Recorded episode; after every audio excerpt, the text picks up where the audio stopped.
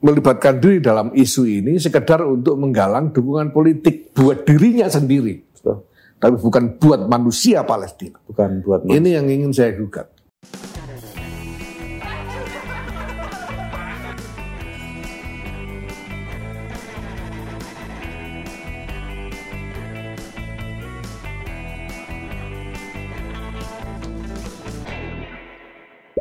Halo teman-teman, ketemu lagi dengan saya Putu TA, Kepala Suku Mojo.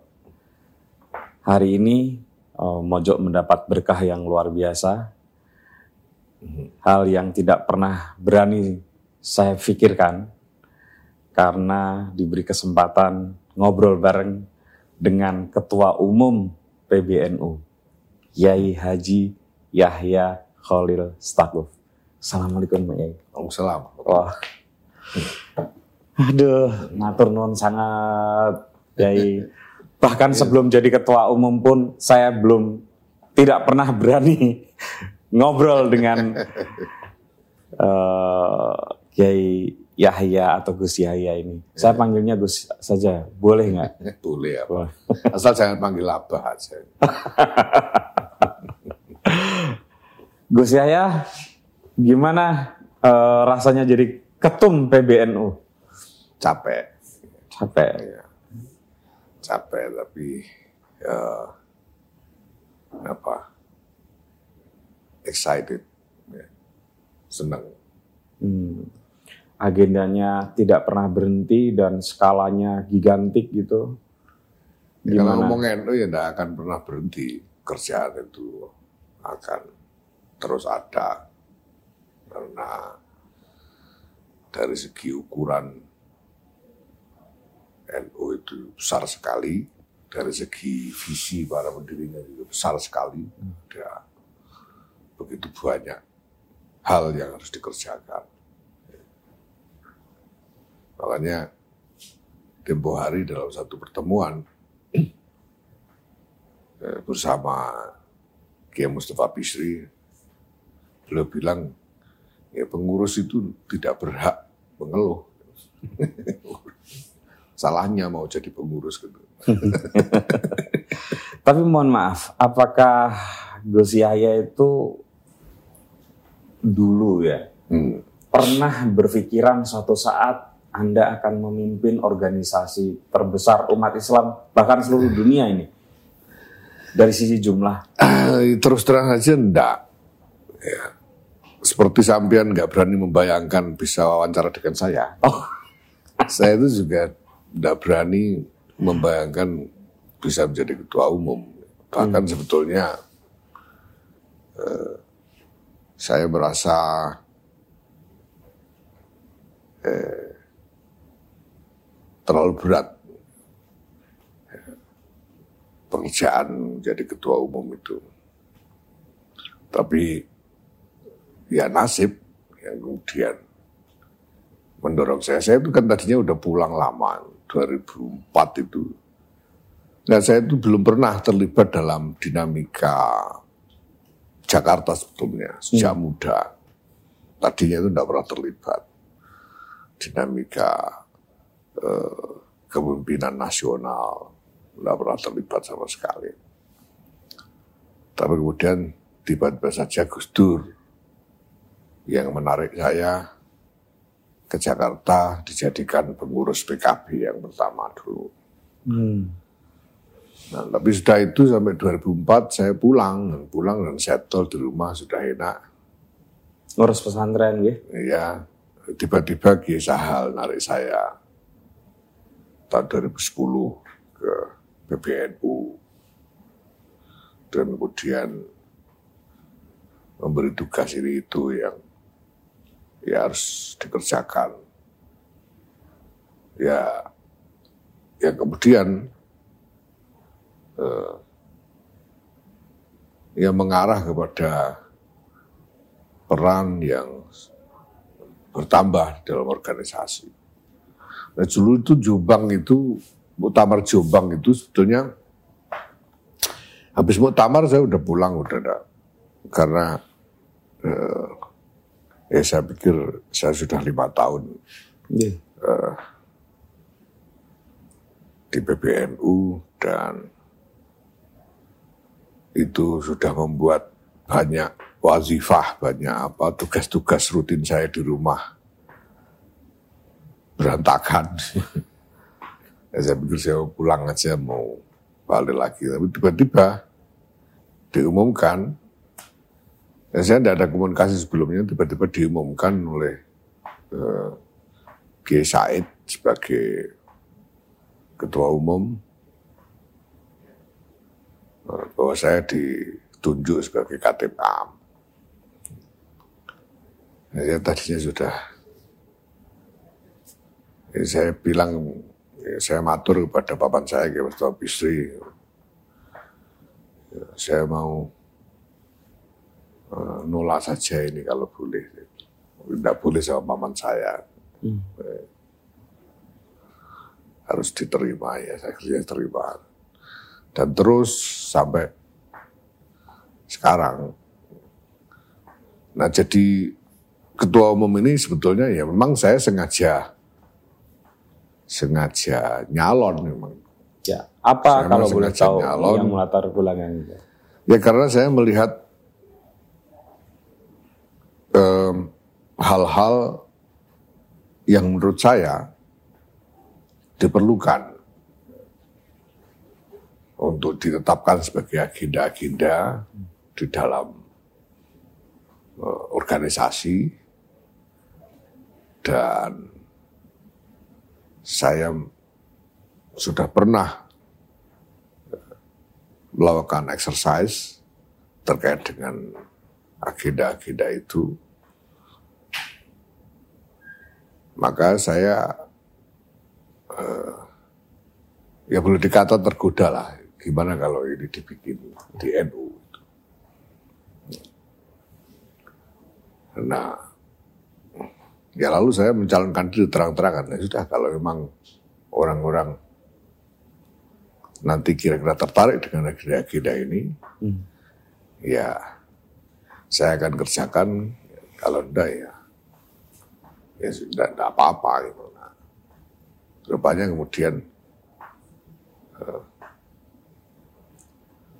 ya orang-orang mungkin memandang gagasan-gagasan saya masuk akal dan saya terpilih. Kemenangan uh, Gus Yahya ini kan fenomenal ya menurut banyak orang. Uh, saya tidak mau ngomongin soal apa per, persaingan menuju ke ketumnya, hmm. tapi dari sisi jumlah keterpilihan suara, hmm. tampaknya itu di arus bawah, terutama di cabang-cabang hmm. maupun daerah itu satu aspirasi pemikiran dengan Gus Yahya. Itu prosesnya gimana? Apa? Ya karena saya temui hampir semua. Oh. saya kira semua cabang, insya Allah. Mungkin cuma satu dua aja yang tidak sempat ketemu sebelum muktamar itu. Hampir semua cabang itu saya temui. Saya ketemu langsung dengan dengan cabang-cabang itu bicara soal gagasan-gagasan, soal agenda-agenda. Bahkan saya saya sampaikan disclaimer ini kalau sampean milih saya nanti dan saya jadi ketua umum beneran, ya insya Allah sampai akan tambah capek, tambah pusing. Iya. Karena saya menjalankan diri dengan agenda ini, ini, ini, ini. Banyak. Nah rupanya mereka nekat milih saya ya. Ya sudah, mari kita kerjakan.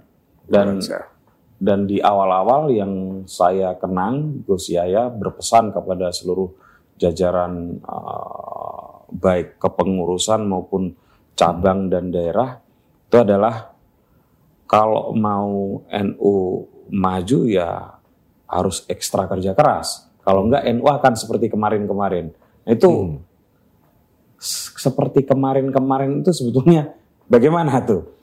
Ya kalau kita biarkan NU ini berkembang secara alami tanpa ada deliberate strategy tanpa ada strategi yang betul-betul kita rancang dan kita eh, apa kita exercise secara sistematis ya NU ini lalu nanti hanya akan menjadi eh, entitas budaya saja. Ya.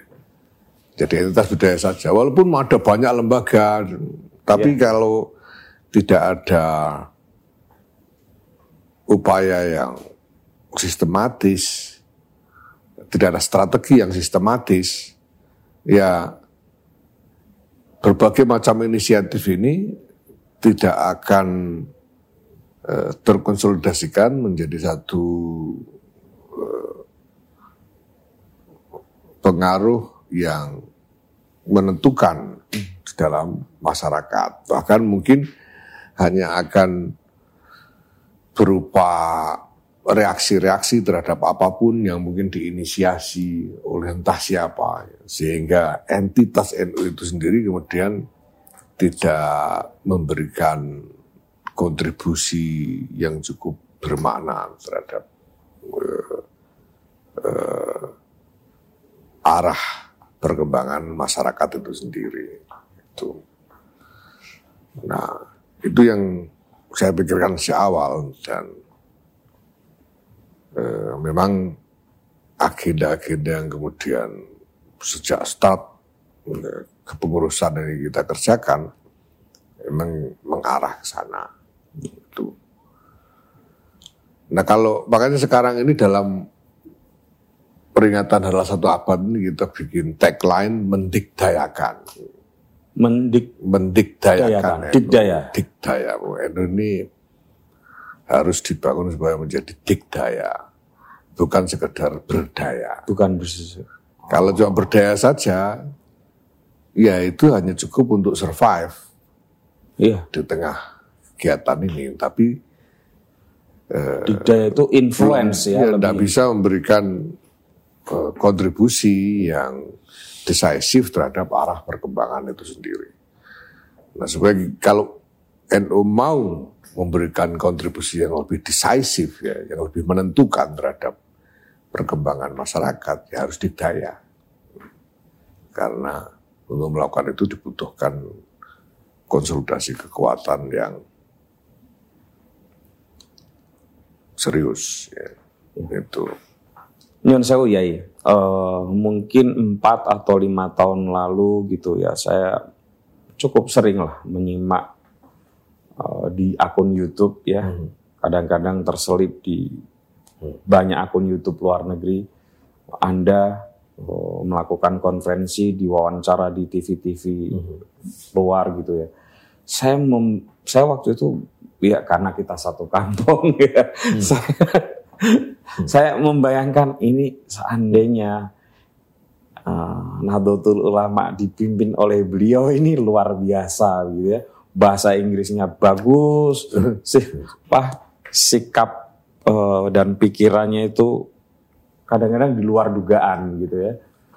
Hmm, apakah dengan besarnya persoalan yang ada di di uh, kaum muslimin yang ada di Indonesia itu hmm. uh, dan persoalan dunia yang juga tidak mudah hmm. gitu dengan gagasan-gagasan anda hmm. gitu itu gimana menautkannya hmm. itu kan dua dua gardan harus jalan bareng di internal ada persoalan iya. yang nggak mudah gitu dengan umatnya yang luar biasa banyak seluruh persoalan kompleks Lalu ada persoalan internasional yang seakan-akan mau digerakkan semua oleh iya. Anda. Emang berat. Saya itu sebetulnya ya hanya memperturutkan saja kegelisahan-kegelisahan pribadi saya. Sebetulnya kegelisahan pribadi semua itu sejak awal. Um, dan saya itu memang sejak lama sekali uh, uh, ya terobsesi oleh berbagai isu terkait Islam dan kemanusiaan. Ya kalau mau ditandai ya kira-kira sejak saya mengenal dan belajar dari Gus Dur sekitar pertengahan 80-an. Dan itu tidak pernah bisa tidak pernah bisa saya abaikan, terus hmm. menghantui, terus menghantui saya itu Dan saya hanya memperturutkan saja dan karena saya tidak punya beban, saya tidak punya beban politik, saya tidak punya beban apa-apa, jadi saya bebas bicara berdasarkan apa yang saya pikirkan tanpa pertimbangan apa pun, tanpa pertimbangan diplomatik, tanpa pertimbangan resiko politik, ya. dan lain-lain. Nah, sebetulnya kalau orang mau uh, mengambil jarak objektif dari iya. realitas, dari keterlibatannya di dalam realitas. Karena orang kan kadang-kadang orang punya karir, orang punya kedudukan, orang punya investasi dan lain sebagainya sehingga uh, ketika bicara tentang masalah itu dia terikat dengan kepentingan-kepentingannya itu. Nah kalau orang mau ambil jarak objektif dari realitas, dari keterlibatannya dalam realitas. Sebetulnya semua yang saya sampaikan itu eh, logis-logis saja. Logis-logis saja dan saya kira kalau benar-benar sampai perhatikan ya ini sebetulnya juga satu hal yang ada di benak semua orang. Iya. Ada di benak semua orang. Cuma selama ini orang eh, menahan diri untuk mengatakan karena ya pertimbangan-pertimbangan keterlibatan tadi. Oke. Ya. Atau mungkin ada nah, rasa tidak percaya juga, ya ketidakpercayaan diri mungkin untuk. Nah orang bicara itu kan ada risiko. Kayak sekarang ini saya ini enggak enggak boleh bicara sembarangan soal politik karena saya ketua umum ya. gitu ya. Nah, kemarin-kemarin saya boleh ngomong bebas. Sekarang saya sebagai ketua umum saya harus jaga jarak yang sama dengan semua sehingga harus nah, beda lah hitungannya. Kemarin-kemarin kan saya bebas saja. Dan nasib memang membawa saya ke arena uh, aktivisme yang uh, membuat saya mengalami exposure, mengalami uh, apa pertemuan langsung secara kurang lebih first hand ya. dengan macam-macam dinamika baik global maupun domestik ini.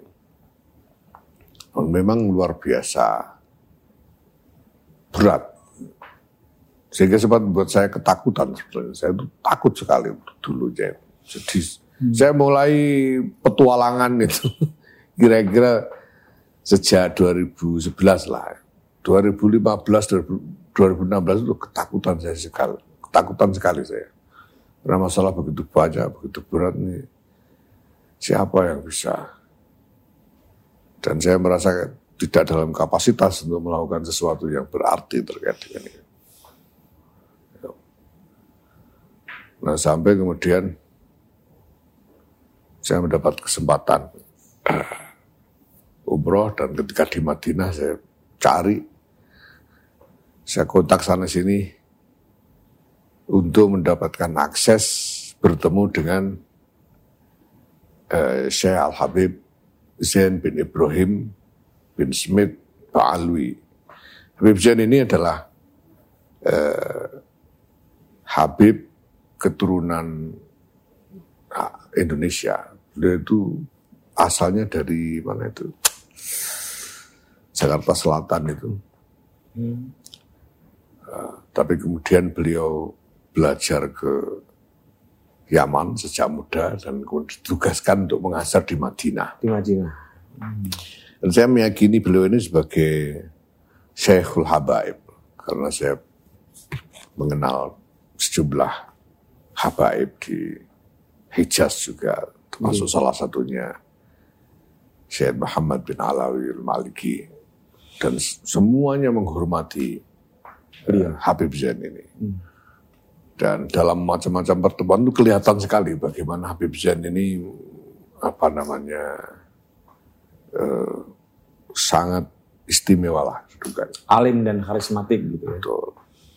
Syed Muhammad itu saya ingat belum menjuluki Habib Zain itu sebagai uh, Syafi'i kecil. Karena dibandingkan dengan Imam Syafi'i. Akhirnya saya dapat eh, akses, saya bisa soan ke kediaman beliau di Madinah. Dan saya sebetulnya sudah memikir, memikirkan, saya menanya soal apa itu. Sudah pikirkan. Tapi waktu bertemu beliau di rumah itu, di kediaman beliau itu, sebelum saya sempat eh, mengatakan apa-apa, ya hanya salah saling bertukar salam, beliau langsung bicara panjang lebar. Hmm. Dan yang beliau sampaikan itu bukan hal yang belum saya ketahui, saya sudah tahu ya, karena isinya ini ya apa wawasan-wawasan dasar tentang agama. Tapi saya seperti seolah-olah baru ingat lagi ketika beliau sampaikan itu. Dan itu membuka uh, secara mental ya, membuka kebutuhan saya.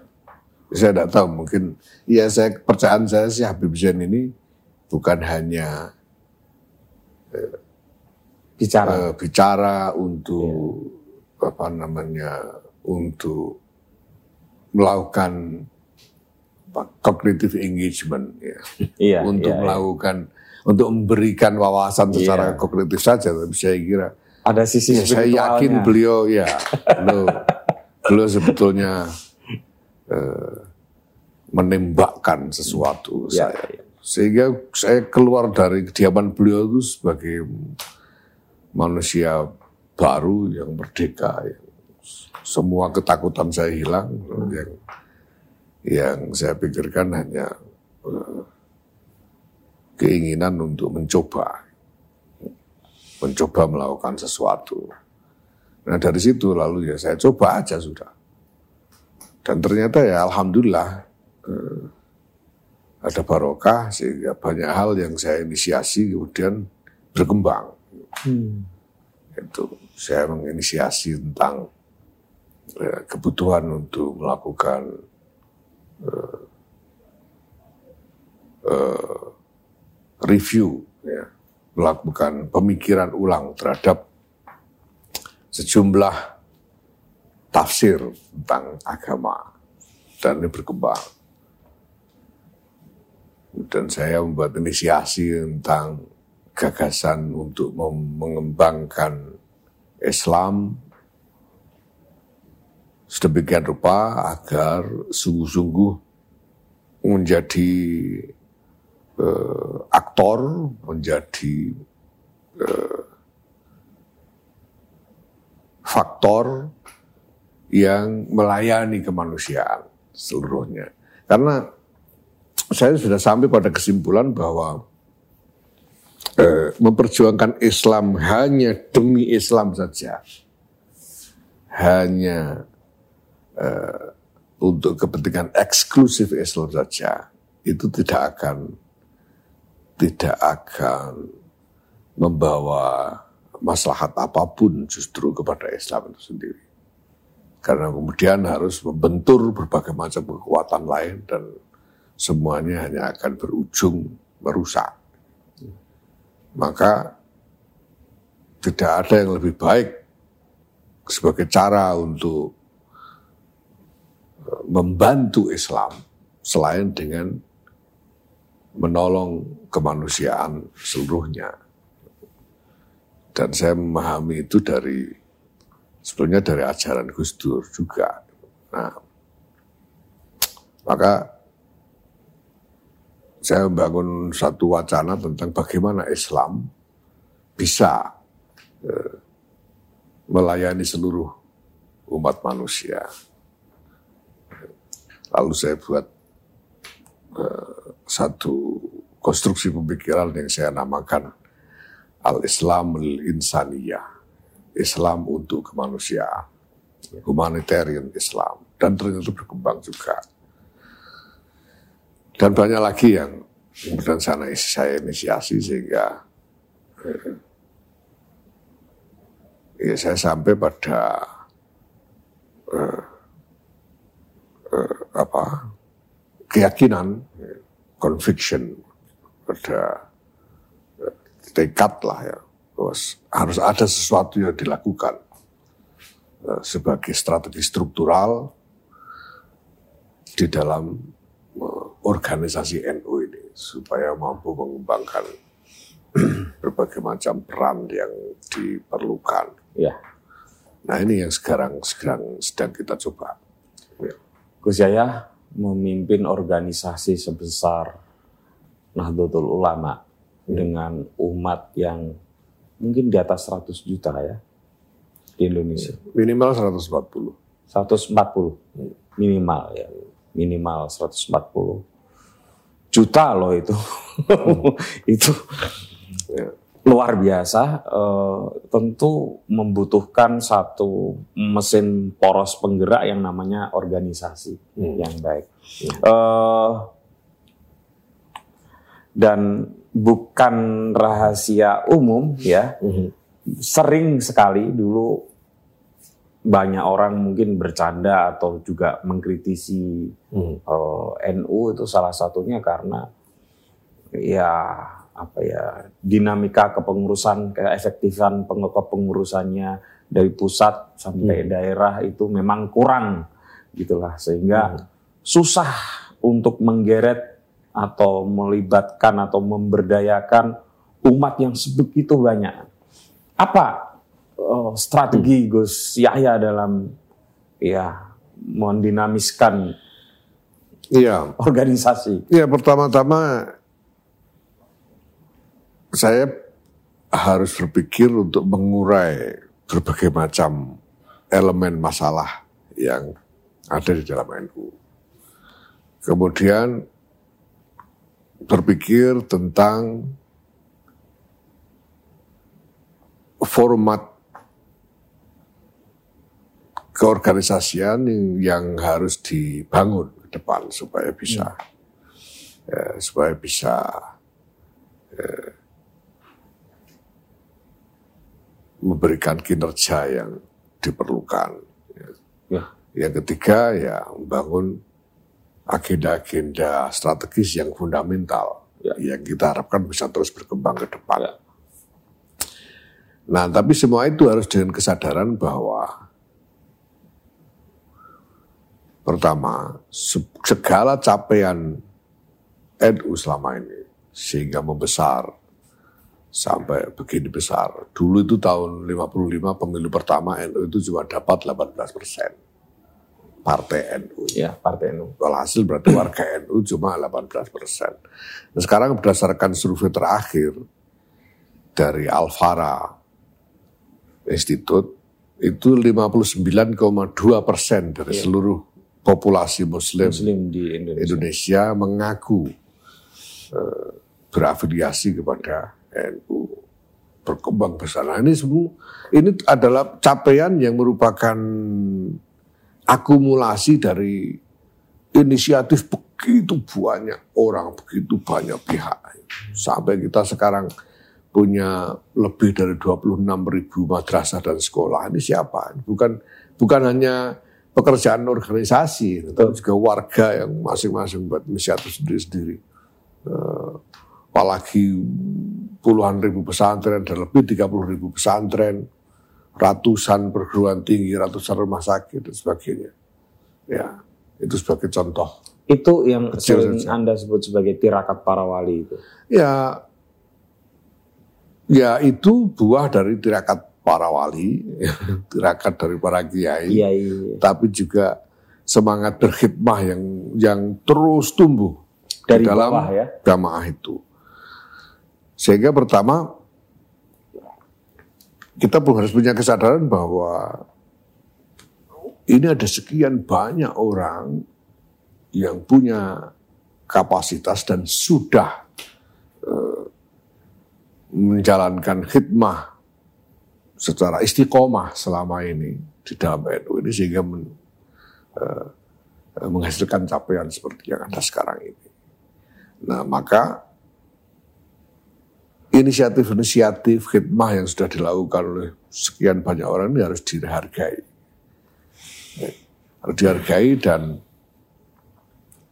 eh, tidak boleh ada yang kemudian di eh, didiskredit atau di apalagi di Dipinggirkan. di, dipinggirkan ya tidak boleh ada ini semua harus dihargai sebagai lanskap khidmah NU yang sudah begitu luas.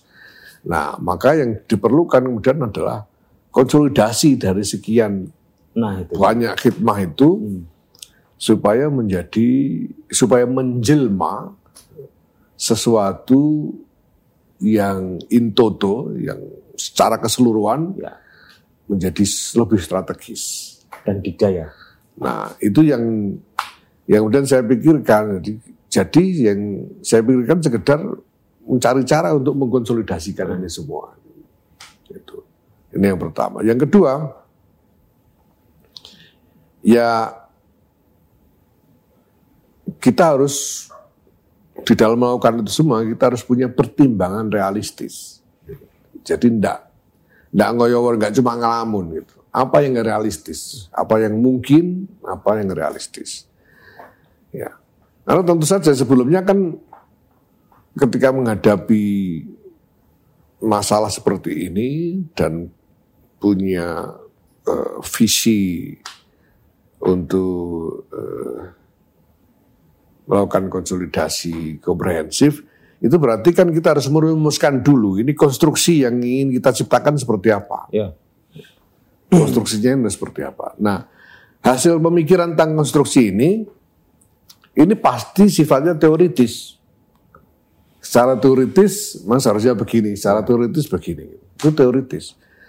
Nah, ketika visi ini tidak dieksekusi, di situ harus ada pertimbangan realistis. Harus, karena kita harus semua inisiasi yang kita lakukan harus jalan benar, bukan cuma jadi uh, bunyi-bunyian, bukan cuma jadi khayalan, tapi harus jadi pekerjaan Ya. nyata. Maka harus dengan pertimbangan realistis apa yang mungkin. Nah, dengan pertimbangan realistis itulah maka kita juga tidak mungkin punya pretensi untuk menyelesaikan semua persoalan. Itu. Sehingga ya karena ini masalah besar. Betul.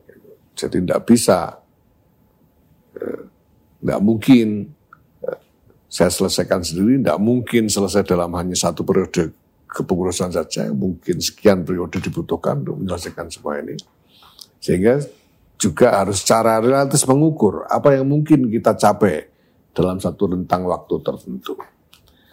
Nah, karena rentang waktunya terbatas, kita harus pilih.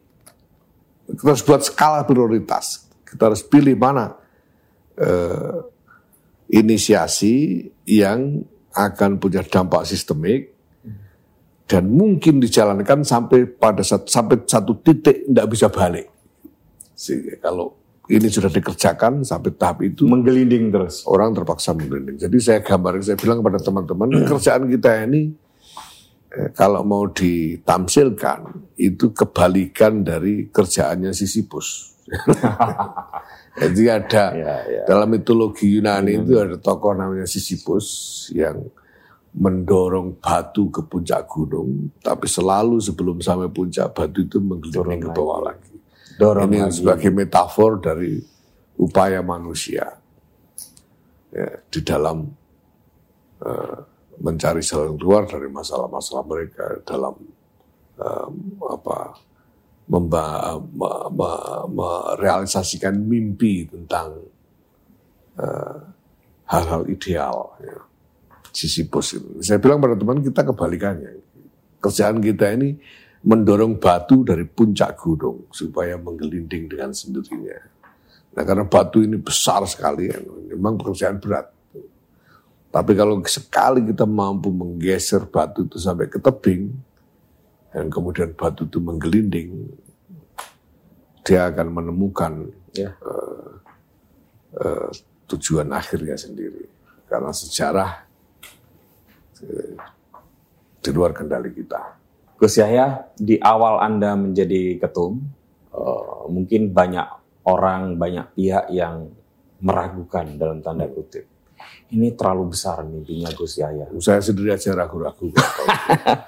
Tapi belakangan ini, begitu ada R20 menggelinding banyak sekali hal yang kalau bahasa Jawanya terontong-terontong ya, Hmm. semburat cahaya apa yang diragukan oleh orang tuh mulai terlihat. Itu kekuatan Ya itu sebetulnya apa bukan itu? ya itu bukan cuma soal saya. Saya ini eh, masuk dalam pergaulan itu kan sejak lama ya, sudah sejak tahun 80-an. Saya itu 79 itu muktamar ke-26 di Semarang. 79. Saya masih kelas 1 SMP. Saya Iya. sudah ikut muktamar saya. Iya. Saya jadi peninjau nonton muktamar itu. Dan kemudian saya kenal dengan teman-teman sudah sejak lama dan saya perhatikan bagaimana mereka. Jadi kurang lebih saya cukup mengenal eh, aktivis NU dari generasi saya ini. Nyaris orang per orang saya kenal. Potensinya apa, kemampuannya, kapasitasnya, keterbatasannya. Apalagi yang di bawah saya. Ya. Karena yang di bawah saya ini kurang lebih dalam jangka yang ya cukup lama saya terlibat eh, eh, dalam memberi katakanlah kontribusi terhadap pengembangan eh, kapasitas mereka ya, sekurang-kurangnya dalam lingkaran-lingkaran tertentu sehingga saya tahu ini orang-orang yang saya butuhkan dan itu ada orang-orang itu ada dan alhamdulillah ya secara keseluruhan lah eh, sebagian besar dari eh, pilihan saya itu tidak meleset. Sehingga teman-teman yang saya ajak bareng ini sungguh-sungguh bisa bekerja efektif. Dan walaupun setahun ini, ini sebetulnya adalah ah, pekerjaan yang tidak masuk akal sebetulnya. Tidak masuk akal. Tidak masuk akal. Jujur saja saya sendiri Tidak masuk akal. Begitu banyak yang dikerjakan kami, Masya Allah ya. ya jadi semua gitu loh. Kita buat desain tentang eh, mekanisme organisasi supaya bisa lebih jelas ini eh, apa tatanan organisasi dan jadi selesai. ya. Jadi kami, saya itu eh, itu kan muktamar selesai Desember 2021. Iya. Pelantikan 31 Januari 2022. Iya. Mei sudah kita selesaikan. Jadi betul-betul apa tancap gas langsung lah teman-teman dan bisa ternyata Betul. betul-betul bisa karena teman-teman ini memang Termasuk seluruh badan otonom. Ya, semuanya. Semuanya selesai. kalau badan otonom sih belum semuanya ya Belum semua, tapi ya. paling enggak teman-teman di PBNU ini eh, mereka bekerja eh, efektif betul ya deliver betul ya Ya. mereka ini menyelesaikan kerjaannya dengan baik. Mei sudah selesai itu desain organisasi itu berupa 19 peraturan perkumpulan. Jadi itu Januari, jadi Februari, Maret, April tiga bulan selesai dan kita tetapkan dalam eh, konvensi besar sebagai keputusan organisasi. Sudah itu langsung disusul rangkaian sembilan apa namanya?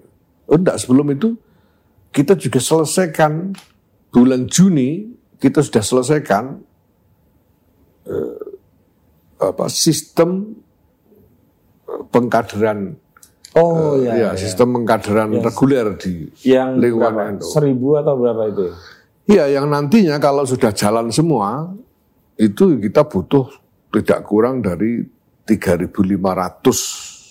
eh, kali, Kali. forum Iya. pengkaderan setiap tahunnya, Setiap tahunnya itu. setiap tahunnya. Ya, melihat kebutuhan yang memang besar.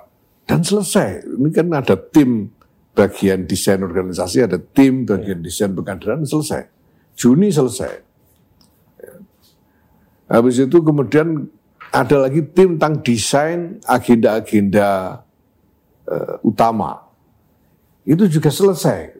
Iya. Termasuk bukan hanya soal apa, bukan cuma soal konsepnya saja. Betul. Itu selesai sampai dengan pihak-pihak yang tidak diajak kerjasama.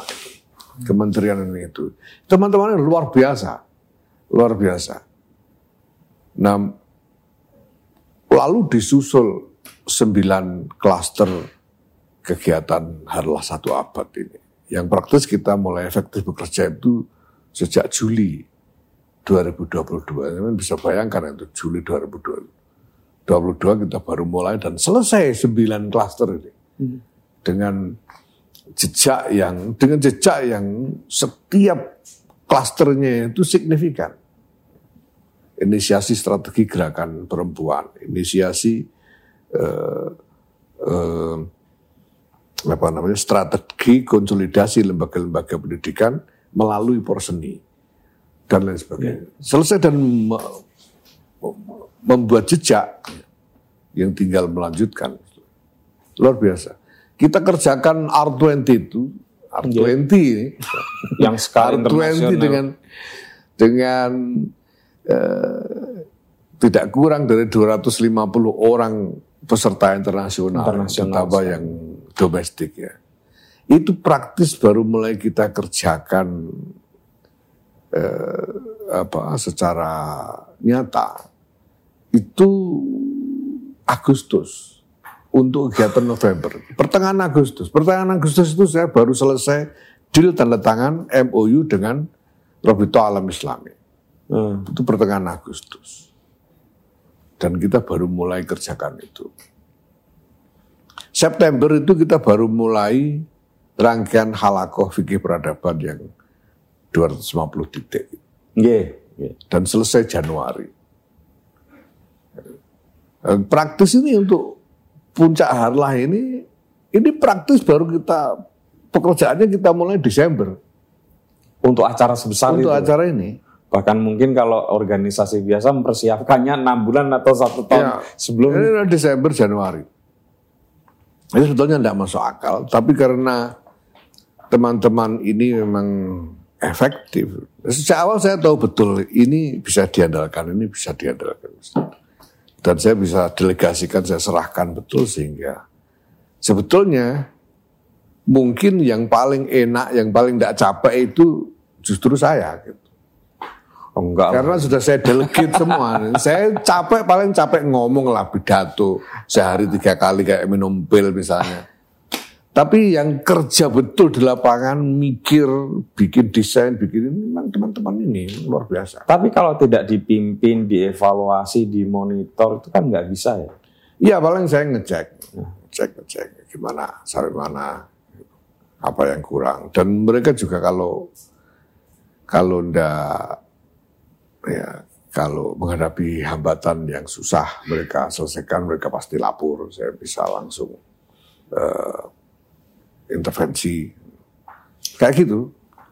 Wih ini teman-teman ya. luar biasa. Gus Yahya, sekalipun uh, saya tahu ini adalah kerja tim besar, ya, tapi saya juga percaya ini tentu intervensi seorang pemimpin itu diperlukan.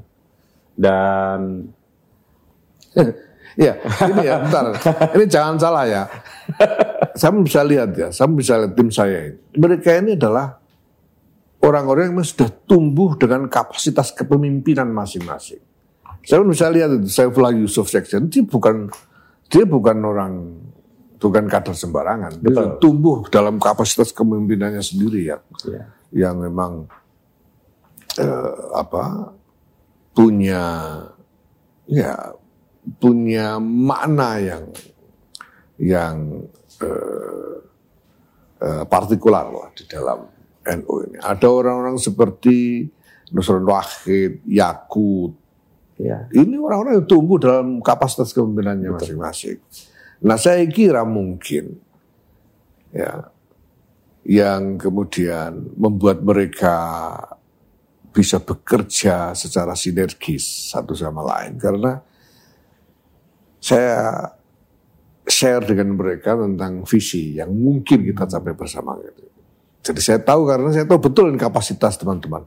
Termasuk orang-orang seperti Alisa Wahid, Yeni Wahid, Khofifah, dan lain-lain. Makanya saya bilang, saya masukkan Alisa Wahid itu bukan karena perempuan. Hmm. Karena dia punya kapasitas yang saya tahu dibutuhkan.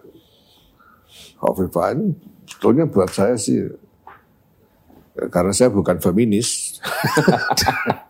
sebetulnya buat saya tidak penting berapa persen perempuan dan laki-laki itu. Karena saya tidak melihat perempuan ataupun laki-laki sebagai kelompok identitas. Ya. Tapi saya tahu bahwa ini orang-orang yang dibutuhkan. Dan kemudian saya ajak mereka bicara soal visi. Kita harus kita mau mencapai apa sih? Ini, ini, ini, ini yang harus dikerjakan. Dan mereka tahu masing-masing pekerjaannya. Ya. Sehingga mereka juga kemudian dengan kapasitas kepemimpinan masing-masing, ya, mengembangkan uh, elemen-elemen uh, strategi partikular hmm. dari setiap pekerjaan yang menjadi bagian mereka. Yeah. Yang karena mereka tahu betul ini mau arahnya ke mana, kemudian tersusun menjadi satu bangunan strategis yang yang saya kira semakin visible, semakin bisa dilihat orang.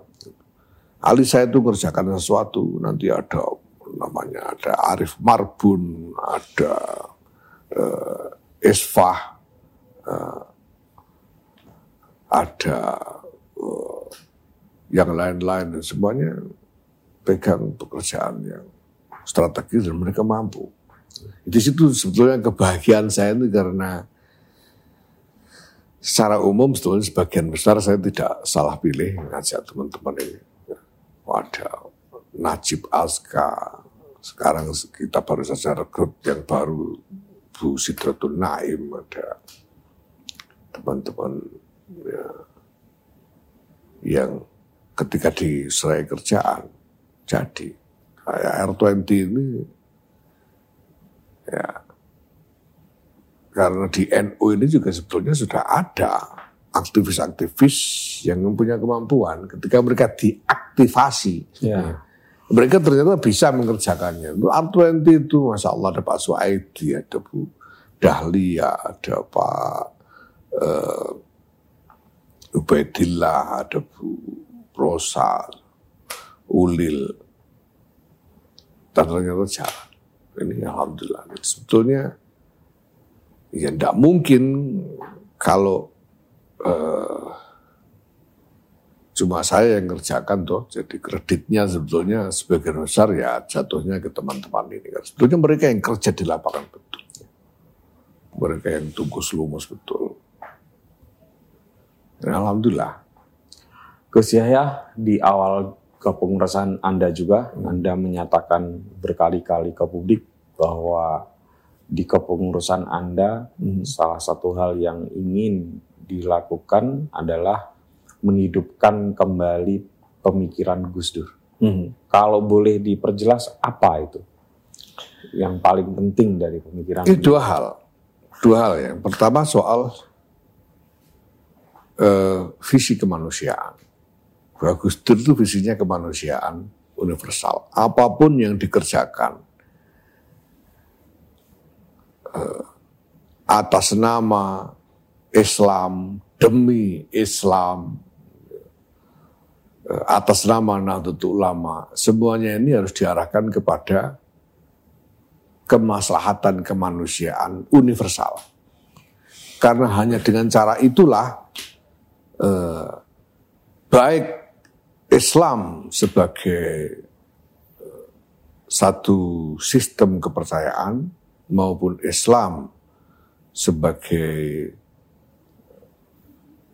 lingkungan komunitas ya ini bisa menemukan kemaslahatan yang realistis hmm. yang nyata ya. tanpa itu ya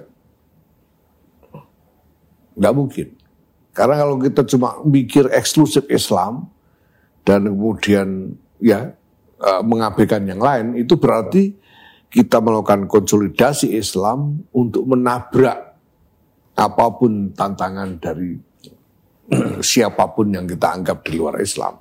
Ya. Nah, ini pertama kesulitannya itu batas dari lingkungan Islam itu yang mana? Karena hmm. di dalam Islam sendiri itu Islam itu bukan monolitik. Betul. Banyak pihak dalam siapa yang mau kita anggap Islam, siapa yang bukan. Ya. Nah, apalagi kalau cuma NU saja ini tambah problematis lagi.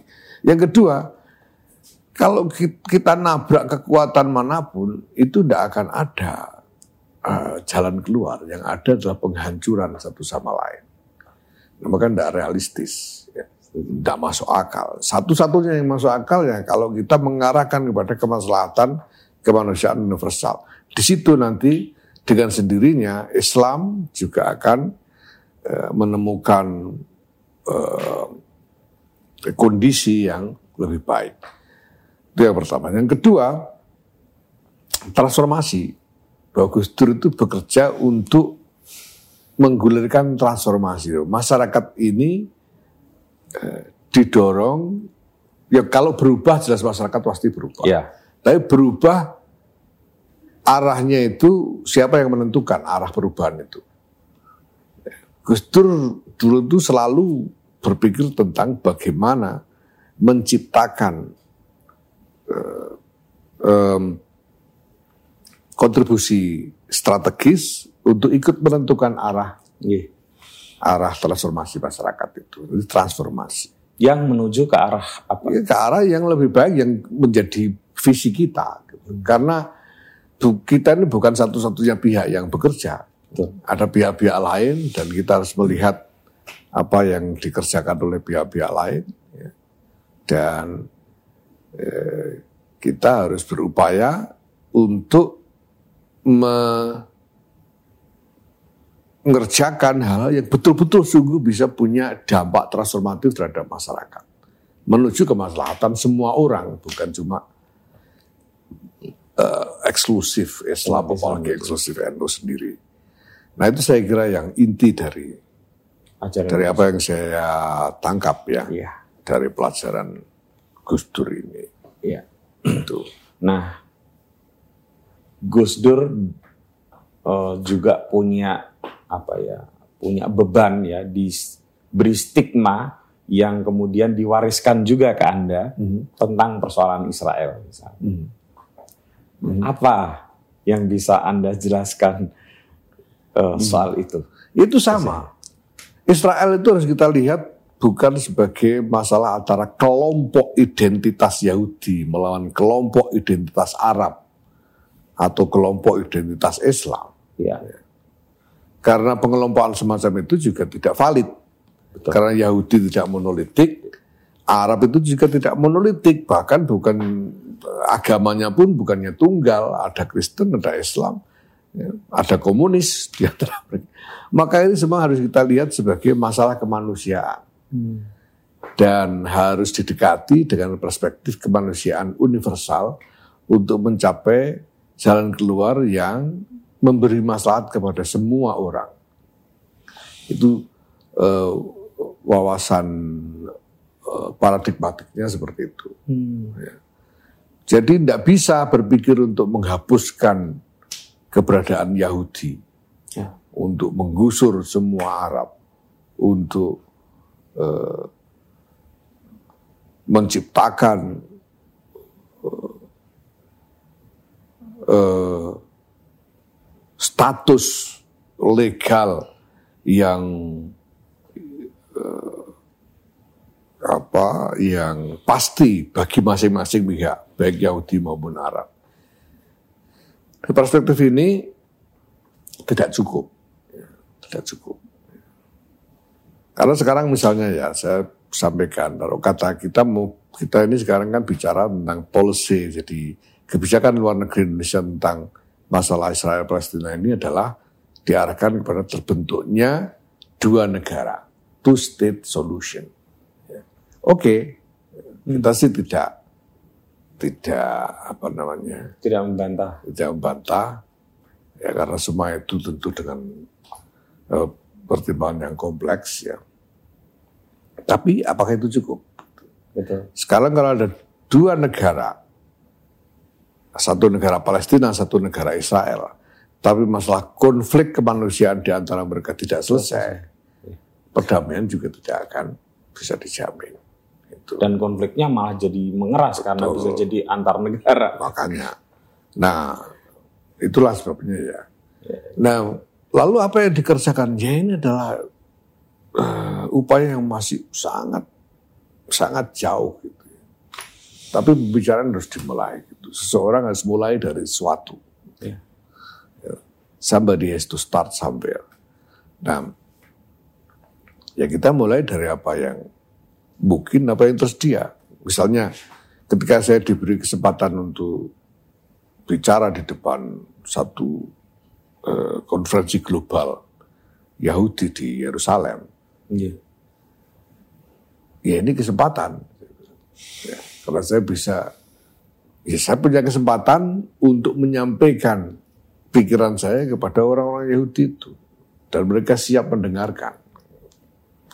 Nah, tapi tentu saja dengan kesadaran tentang risiko-risikonya, sehingga saya juga kemudian minta eh, apa? Ya saya tanya kepada guru-guru saya ini gimana, boleh nggak saya berangkat?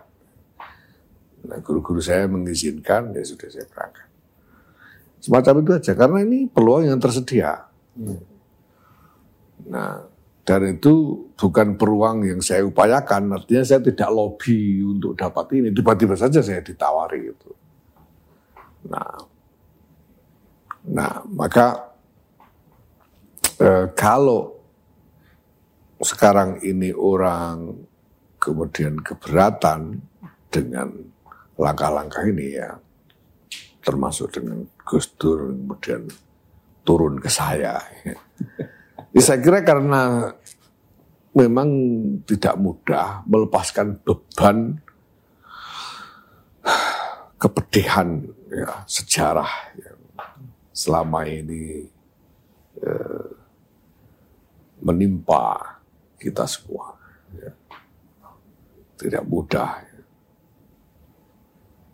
Dan saya bisa maklumi kalau orang marah.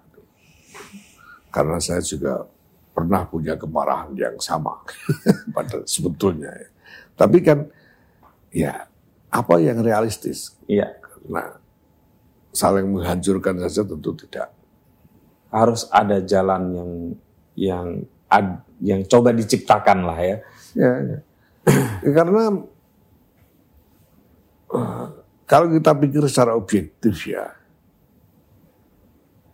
kalau kita bicara tentang nasib manusia, manusia Palestina. Manusianya ini. Manusia. ya tidak ada jalan yang masuk akal untuk perbaikan nasib mereka selain perbaikan kondisi kemanusiaan seluruhnya untuk semua orang. Tidak ada. Kalau terus konflik dengan Israel ya mereka juga uh, ya kalau ter, upayanya terus diarahkan pada penghancuran Israel, ya. itu juga akan Terus ada perang. Iya, membalik menjadi eh, apa satu dinamika yang menghancurkan orang Palestina sendiri. Gitu. Nah kadang-kadang ya karena ini sudah menjadi semacam sentimen publik, ya, menjadi perasaan publik yang luas. Ya. Nah yang terjadi kemudian banyak politisi melibatkan diri dalam isu ini sekedar untuk menggalang dukungan politik buat dirinya sendiri. Tapi bukan buat manusia Palestina. Bukan buat manusia. Ini yang ingin saya gugat. Kalau Ya. mau bicara Palestina, pikirkan tentang nasib manusia-manusia Palestina. Bukan cuma soal Anda terpilih jadi pejabat politik.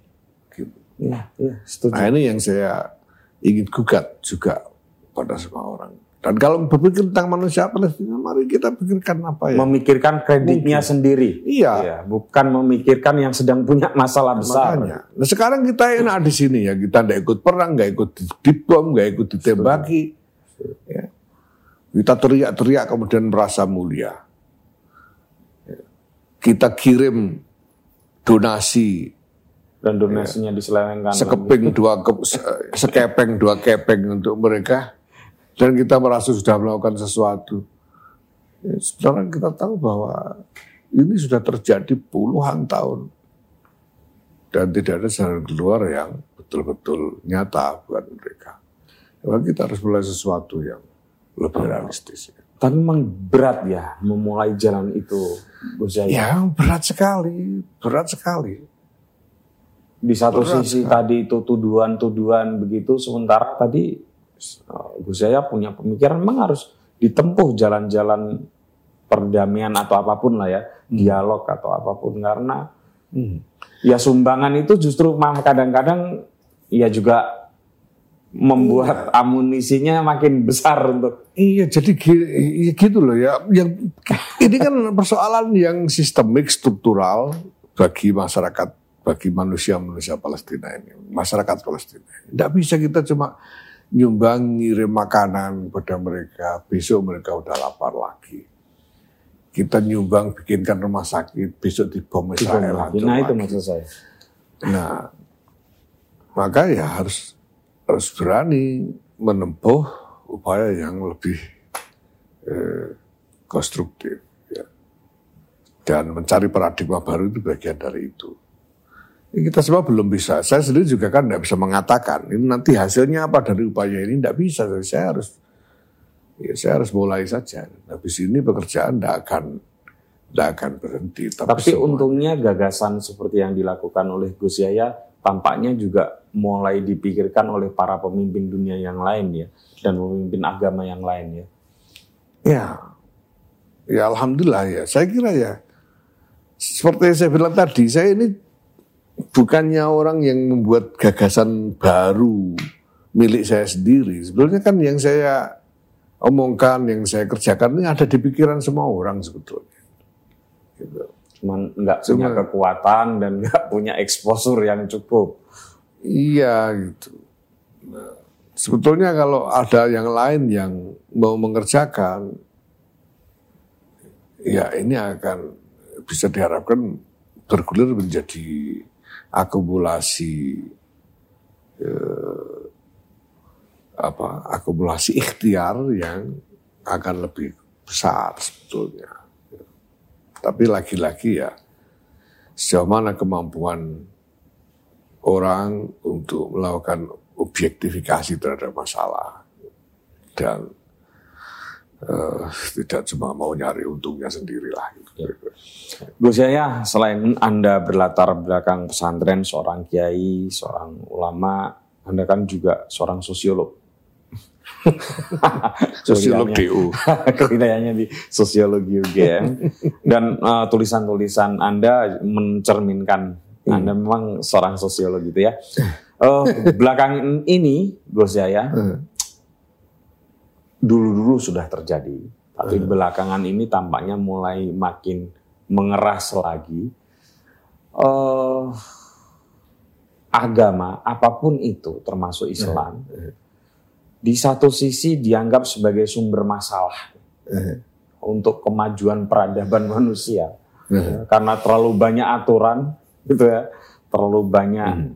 hal yang mesti tidak bisa dikompromikan di situ sementara dunia mengalami percepatan, mengalami masalah-masalah yang harus diatasi. Sementara di sisi yang lain, orang beranggapan bahwa oh tidak, agama itu justru sumber kekuatan. Hmm. Karena di situ diajarkan moralitas, nilai-nilai hmm. yang manifest ke dalam hmm. para pemeluknya. Sehingga membuat dunia ini seharusnya menjadi lebih baik. Hmm. Bagaimana menyikapi dua dikotomi sosial seperti itu? Gus. Iya. Um, pertama-tama harus diklarifikasi soal menjadi sosiolog ini. saya itu pernah sekolah sosiologi tapi nggak sampai lulus DO saya. ya. Tapi tapi tulisannya ya saya ya saya uh, refleksinya di terong gosong itu sangat sosiolog. Eh, saya karena pergaulan saya kira itu. Iya, saya iya. bilang kepada teman saya ini sosiologi saya ini sosiologi makrifat saya. karena enggak enggak, enggak pakai footnote, enggak pakai daftar pustaka. Jadi, sebelumnya saya lakukan ya pokoknya apa yang terlintas di pikiran itu aja. Nah soal agama-agama ya memang nyata bahwa agama itu masih menjadi masalah. Di sebagian besar. Saya pernah mendapatkan data dari beberapa teman yang bekerja di PBB ya, bahwa sekarang ini ada sekian banyak uh, titik konflik di seluruh dunia ini, hotspots ya.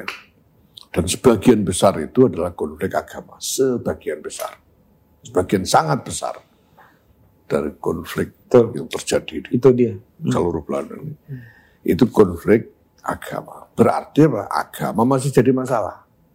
Ya. Kita mau bilang apa? Agama masalah agama itu. Nah, kalau kemudian orang berharap agama bisa menyumbangkan sesuatu yang eh, konstruktif untuk masyarakat, untuk peradaban, Ya kan pertama-tama agama harus punya kredibilitas dulu. Gitu Pantas nggak agama ini uh, ngomong soal yang mulia-mulia kalau dia sendiri masih membawa bencana.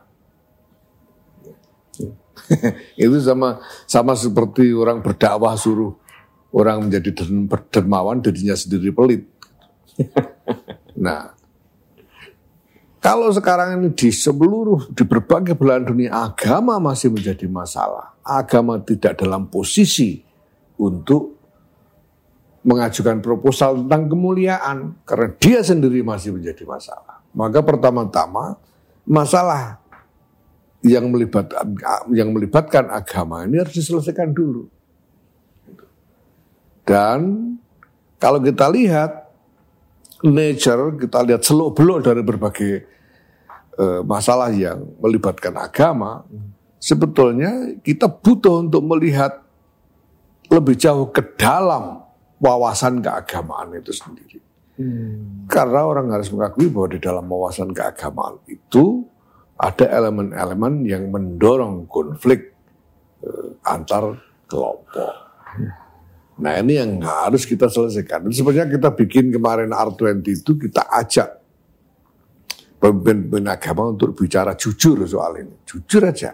Ya. Apa yang Anda ajarkan kepada umat Anda masing-masing, apa itu Kristen, Katolik, Anglikan, Evangelis, Yahudi, Islam. Sunni, apa yang diajarkan selama Secara jujur. Nah ini yang sebetulnya lebih kita butuhkan sekarang.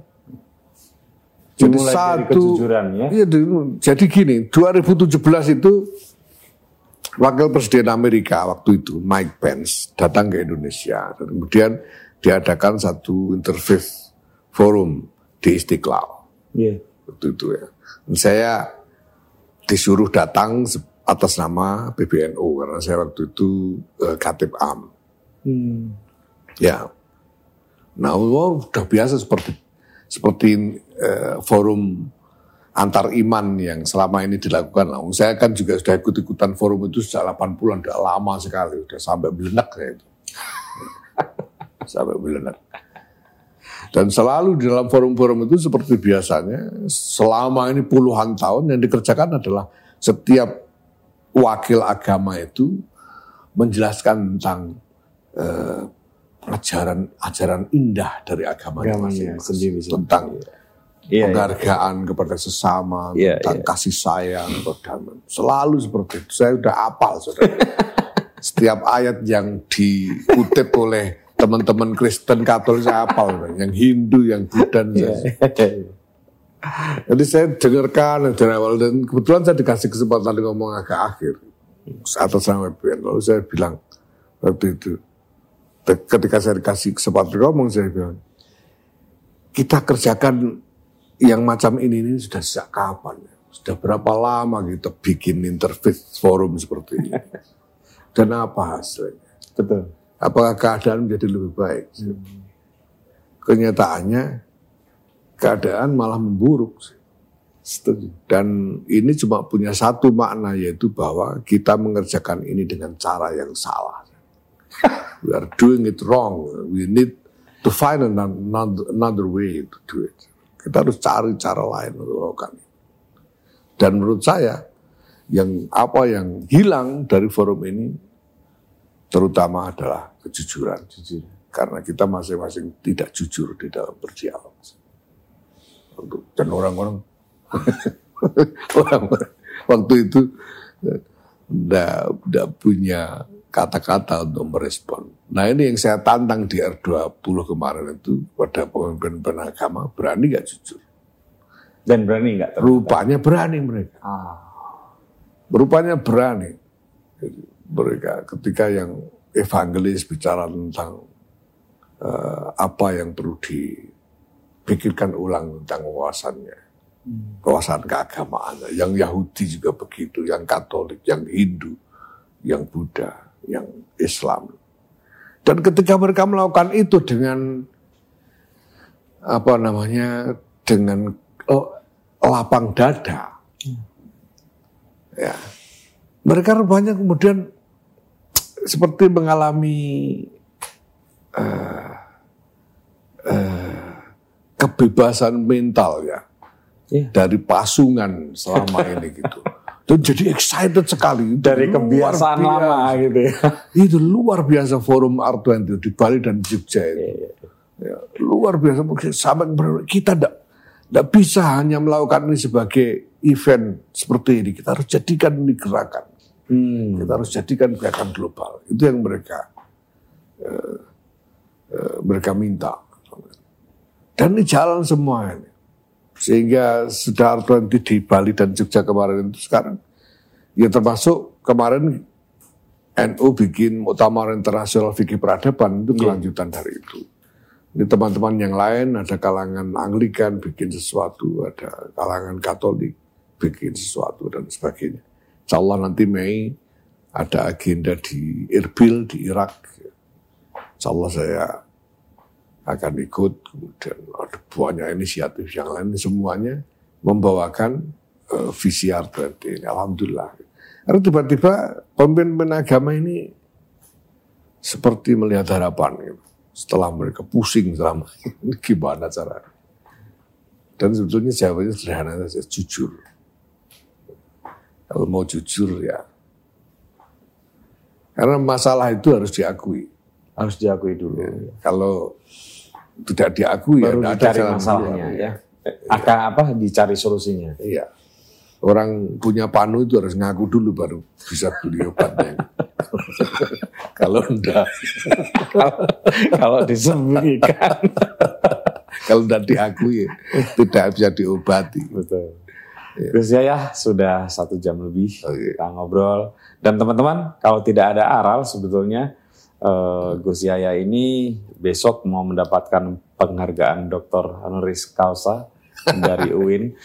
tentu Masalah bagi gitu. tentu bagi beliau itu ah ya, tapi ada tiga tiga orang ya yang mendapat penghargaan. Satu tadi namanya susah sekali Gus Yaya. Siapa ya? eh, yang Angelo. satu itu Pak eh, Dari Muhammadiyah ya. dari Muhammadiyah itu Pak siapa Markus siapa? Sutibio Markus dari Muhammadiyah. Iya. Dan ada Ya, satu dari Vatikan itu Miguel Engel Ayuso Guisot.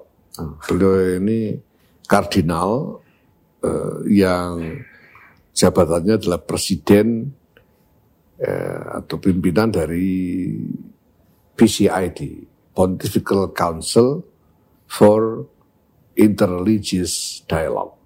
Jadi ada itu kayak kementerian, kayak kementerian kepausan, jadi dewan kepausan untuk dialog antar agama. Selamat sebelumnya Gus Yaya, walaupun penghargaannya masih besok. Ya mudah-mudahan UIN tidak malu karenanya. Ya. Mestinya UGM dong yang ngasih. Nah ya itu yang saya pikir ini, saya bilang ini ini potentially ya can be academic embarrassment untuk UIN. ya. Jadi berpotensi menja- mempermalukan UIN secara akademis karena saya ini di DO dari UGM kok malah UIN Ya jangan-jangan yang, yang mestinya malu UGM kok win duluan gitu. Nah, ya makanya itu ini apakah karena UIN mutunya terlalu rendah sekali Ini anak win DO-an semua. yang di DO dari UGM malah dikasih gelar atau bagaimana? Nah ini, ini potensi masalah besar ini. Tapi yang jelas Gus Yahya, Alhamdulillah di bawah kepemimpinan Anda dan tim tadi yang luar biasa, tadi tronton-tronton semburat cahaya eh, NU ini makin memancar dan saya orang yang sangat percaya eh, kalau NU baik, insya Allah Indonesia akan jauh lebih baik lagi Amin. karena umat NU ya selain mayoritas juga tadi punya influence yang besar kepada society. Matur nuwun sangat Gus Yahya Semoga diberi kekuatan dan di terus dalam bimbingan. dan Anda semoga sehat selalu karena Amin. jadwal padat. Amin. Assalamualaikum Gus Yahya. Nuwun sangat. Teman-teman, begitu obrolan saya semoga bermanfaat ya dan sampai ketemu lagi dengan tamu saya selanjutnya. Matur nuwun Gus. Sama-sama.